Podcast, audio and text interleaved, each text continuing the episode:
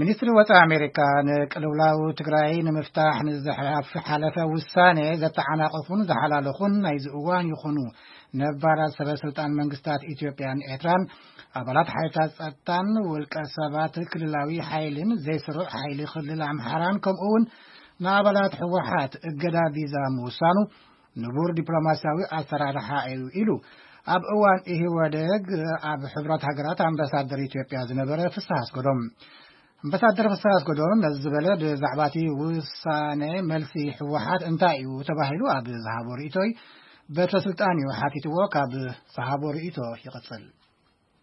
የቐንየለይ በትረ ከም ዝፍለጥ ናይ ኣብይን ናይ ኢሳያስን ሰይጣናዊ ስምምዕነት ኣብ ህዝቢ ትግራይ ኣብ መበል ዕስራን ሓደን ክፍለ ዘመን ተራእዩ ዘይፈልጥ ጭፍጨፋ ምንጻት ዘርኢ ኣሎ ዝበሃል ገበን ኩሉ ኣብ ህዝቢ ትግራይ እንካብ ዝፍጸም ሻውዓይ ወርሑ ቆጺሩኒዮ ኣሜሪካ ኣውሮፓ ሕብረትን ካልኦት ሃገራትን ብተደጋጋሚ እዚ ጭፍጨፋ እዚ ጠጠው ክብል ኣለዎ፣ ኣብ ስምምዕነት ክትመፁ ጠጠው ክተብሉ ኣለኩም ካብ ዝብሉ ፀኒሖም እዮም። ነገር ግን እቲ ዝጀመርዎ ተግባር እንተይወዳእና ተመሊሱ ህዝብና ክሓተና እዩ፣ ዝጭፍጨፍ ዘሎ ህዝቢ እውን ክሓተና እዩ፣ ዓለም ክሓተና እዩ ብዝብል ኩሎም ፀልማት ወዲኦም ንዓለም ሕብረተሰብ ዝኾኖም ዘየግርግር ነይሩ ወዲእና ነይርና ሕዚ ብሰላም ንነብር ኣለና ክብሉ ዝጀመሮ ጦርነት እዩ። ስለዚ ናይ ኣሜሪካ መንግስቲ ውሳነ ኣሕሊፉ። ኣብ ርክብ ኣሜሪካን ኢትዮጵያን ተገይሩ ዘይፈልጥ እንተሰሚዖም መስምዒ መጠንቀቕታ ዝኸውን ናይ ቪዛ ዕቀባ ገይሩ'ሎ ንኢትዮጵያን ንኤርትራን ንናይ ኣምሓራ መራሕትን። ከምኡ'ውን ከምቲ ዝበልካዮ ንኣባላት ህወሓት ዝብል እውን ኣለዎ። እዚ ምናልባት እውን ኣብ ዝኾነ ሃገር ኣብ ጦርነት ዘሎ ኣካል ብማዕረ ክተስምዖ ስለዘለካ ንቕድሚት እውን ንዘልዕልዎ ሕቶታት ህወሓት ንድሕሪት ከይብል እቲ መንግስትን ትሕዋሕትን ብሓደ ስም ስለ ዝጽውዕዎ እምበር ሓደ ፓርቲ ሰራዊት የብሉ ካልእ የብሉ ከም ሓደ ፓርቲ እዩ ክረኣ ዝግብኦ ግን ዝተለመደ ኣቀማምጣ እዩ እንደገና ከኣ ብካልእ መልክዑ እኒሀ እዩ እቲ ሕወሓት ከምቲ ንስካትኩም ትብልዎ ብሽብር ተፈርጁ ዝተፈ ዘይኮነስ ኣካል ናይዚ ጦርነት እዙይን ኣካል ናይዚ ፍታሕን እዚዩ ክብል እውን ዝሓወስዎ እዩ። ብዝኾነ ኮይኑ ንዓና እዚ ብዙሕ ዘተሓሳስበና ነገር ኣይኮነን። ናይ ቪዛ ማዕቐብ ተገይርሎም ኣሎ፣ ናይ ኢኮኖሚክ ማዕቐብ ተገይሩ ኣሎ። ካብኡ ሓሊፉ ነዚ ብእዋኑን ብኣግባቡን እንተዘይተቐቢሎምዎ ቐፃላይ ማዕቐባት ከምዝህሉ እዩ እቲ ናይ ኣሜሪካ መንግስቲ ዝሕብር ዘሎ።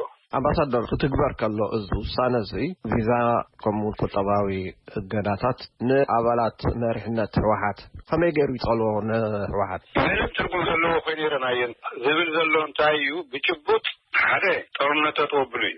መንግስቲ ትግራይ ቅድም ኢሉ ሸሞንተ ነጥቢ ዘለዎ ናይ ሰላም ፖሊሲን ከመይ ጌርካ እቲ ጦርነት ክፍታሕ ከም ዘለዎን ከውፅእ እዙይ ተቐቢልዎ ዝሓደረ እዩ። ናይ ኣሜሪካ መንግስቲ እዙይ ኣንዳዕዲዑ ይፈልጥ። ነገር ግን ኣብ ዝኾነ ሰዓት እዙይ ንድሕሪት ከይትብሉ ንዓኻትኩም እውን ይምልከተኩም እዩ ዝብል መልእኽቲ ኣለዎ።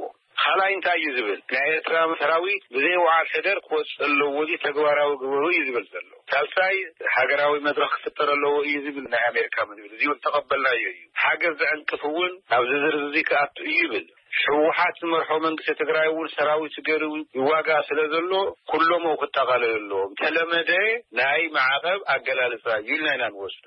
ንምዃኑ ምስ መንግስቲ ኣመሪካ ትዘራረቡ ዶ? ብዝተፈላለየ ደረጃ ንረኽቦም ኢና ናይ መንግስቲ ኣሜሪካ። እንኳን ዶ ሕዚ ብክልተ ነጥቢ ሸውዓተ ሚልዮን ህዝቢ ትግራይ ተመረፀ መንግስቲ ወኪልና ቀደም ብዕጥቀ ቃልሲ እኳ መንግስቲ ኣሜሪካ መንግስታት ኣውሮፓ ከም ስርዓት እዮም ዝረክቡና ነይሮም ኢንፎርሜሽን ንክረክቡ ንናይ ኢትዮጵያ መንግስቲ ግን ፕሮቶኮል ስለየይፈቅደሎም ንረክቦ ኢና ይብሉ ፅባሕ ንግሆ ከይድካ ናይ ኣሜሪካ በዓል ስልጣን ንፍሻ ረኪብካዮ ዶ ነይርካ እንተይልናዮ ኣይ ኣይንፈልጦን ኣብ ዝኮነ ቦታ ኣዛሪቡና ይከውን እዩ ዝብለካ ናይ ኣዲስ ኣበባ መንግስቲ እውን ናብ ሰላም ድርድር ኣይመፅእን ስለዝብል ማእከላይ ኮይኖም ከዘራርቡ ስለ ዘይጀመሩ ብዕሊ ምሳና ኣይራኸቡን ዘለዉ እዩ ክበሃል ዝከኣል። ስለዚ ንምጥቕላል ሚኒስትሪ ወጻኢ ኣመሪካ ዘሕለፎ ውሳነ ብሕውሓት ተቐባልነት ኣለዎ ድዮም ትብሉ ዘለዉ? ብትኽክል እዚ ናይ መጀመርያ ስጉምቲ እዩ፣ ናይ መጨረሻ ኣይኮነን። ካልኣይ ናይ ፖለቲካ ጉዳይ እዩ።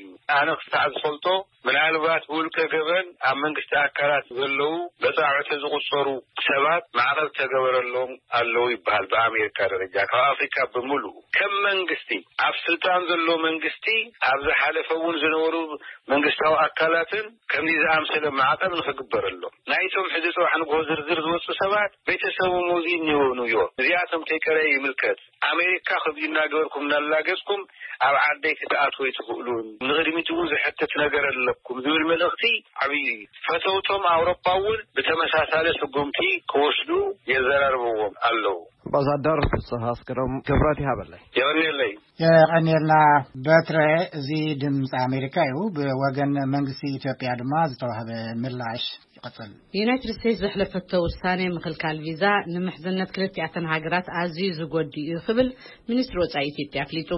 ምምሕዳር ኣሜሪካ ናብቲ ውሳኔ ከብጽሖ ዝኽእል እኹል ምኽንያት የብሉን ኢሉ ወሃቢ ቃል ሚኒስትሪ ወጻኢ ኢትዮጵያ ዲና ሙፍቲ።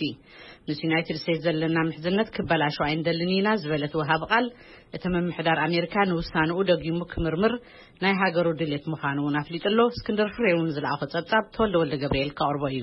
ውሳነ ምምሕዳር ኣመሪካ ንነዊሕ ዓመታት ዝዘለቐ ናይ ክልቲኣን ሃገራት ድልዱል ምሕዝነት ኣብ ግምት ዘየእተወ እዩ ዝበለ ኣምባሳደር ዲና ሙፍቲ፣ ታሪኻዊ ምሕዝነትና እንተተበላሽዩ እንጉዳእ ኢትዮጵያ ጥራይ ዘይኮነትስ እቲ ዞባ ኣፍሪቃ እውን ይጉዳእ፣ ኣመሪካ እውን ትጉዳእ እያ ኢሉ። ይሄ ግንኙነት ከተበላሸ የምንጎዳው ብዙ ነን ለማለት ነው።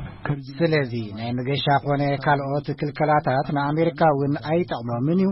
ብኣና ወገን ዝበሃል ዘሎ እዚ ጌርኩሞ ዘለኹም ተቐባልነት የብሉን፣ ንዕኡ ዘብቅዕ ምኽንያት እውን የብልኩምን ዝብል እዩ ይብል እቲ ወሃቢ ቃል። ምምሕዳር ኣሜሪካ ነቲ ናይ መገሻ እገዳ ዘንበሮ ምስቲ ኣብ ክልል ትግራይ ዘሎ ሰብኣዊ ኩነታት ብዝተሓሓዝ እዩ። ዲፕሎማስያዊ ጻዕርታት እንተተገብሩ እውን ብፍላይ ኣብቲ ግጭት ዝሳተፉ ዘለዉ ኣካላት ንዕኡ ደው ከብሉን ንፖለቲካዊ ቅልውላው ድማ ሰላማዊ ፍታሕ ንምድላይ ትርጉም ዘለዎ ስጉምቲ ዘይምስጓሞም እዩ ዝገልጽ መግለጺ ሚኒስትሪ ወጻኢ ኣሜሪካ። ወሃቢ ቃል ሚኒስትሪ ወጻኢ ኢትዮጵያ ግን ብፍላይ ብመንጽር ምብጻሕ ረድኤትን ተሓታታይነት ምጥሓስ ሰብኣዊ መሰላትን ዝተፈላለዩ ስራሓት ከም ዝተሰርሑ ይገልጽ። ከኣመሪካ ብቻ ሳይሆን ከተቀረ የዓለም ኣቀፍ ህብረተሰብ ቅርብ ግዜ ምስ ኣሜሪካ ጥራይ ዘይኮነስ ምስቲ ዝተረፈ ዓለም ለኸ ማሕበረሰብ እውን ክሳብ ቀረባ ግዜ ከማጉተና ካብ ዝጸንሑ ጉዳያት ሓደ መስመራት ረድኤት ምኽፋት እዩ። እዚ ድማ ድሮ ተፈቒዱ እዩ። ስለ ዝተፈቕደ እዩ ድማ ብርክ ዝበሉ ትካላት ረድኤት ሎሚ ኣብቲ ሰሜናዊ ክፋል ሃገርና ዝርከቡ ዘለዉ ይብል ዝወሃብ ቃል ዓለም ለኸ ትካላት ረድኤት ጥራይ ዘይኮኑስ ኣህጉራውያን ትካላት ሚድያ እውን ኣብ ክልል ትግራይ ኣለዉ ኢሉ ዝተኸፍተ ነገር ኣይተኸፍተን ኣብኡ የለናን ዝበሃል ነገር ፍጹም ጌጋ እዩ መግሃሲ ሰብኣዊ መሰላት ድማ ክፍጸሙ ይኽእሉ እዮም ምኽንያቱ ወተሃደራዊ ምንቅስቓሳት ዝተኻየደሉ ከባቢ ስለ ዝኾነ ነቲ ጥሕሰት እውን ብሓባር ኮይንና ነፃሪ ዝብል ተሰማሚዕናስ ድሮ እውን ይፃረ እዩ ዘሎ ኢሉ። እዚ እናተገብረ ግን ስለምንታይ ኢኹም ትኽሕድዎ ዝብል እዩ ሕቶና ኢሉ ኣምባሳደር ዲና ሙፍቲ ኣተሓሒዙ ኣብ ትግራይ ሳልሳይ ዙርያ ምሃብ ረድኤት ተበፂሑ ኣሎ እዋን ዘራእቲ ስለ ዝኾነ እውን ንሓረስቶት ዘርእን ካልእን ኣብ ምዕዳል መንግስቲ ልዑል ባጀት ሰሊዑ ኣብ ምንቅስቓስ እዩ ዝርከብ ዘሎ ኢሉ ምምሕዳር ኣሜሪካ ኣብ መሬት ዘሎ ክውንነት እንታይ ምዃኑ ኣይፈልጥን እዩ ምባል ከም ዘይከኣል እውን ኣምባሳደር ዲና ይዛረብ።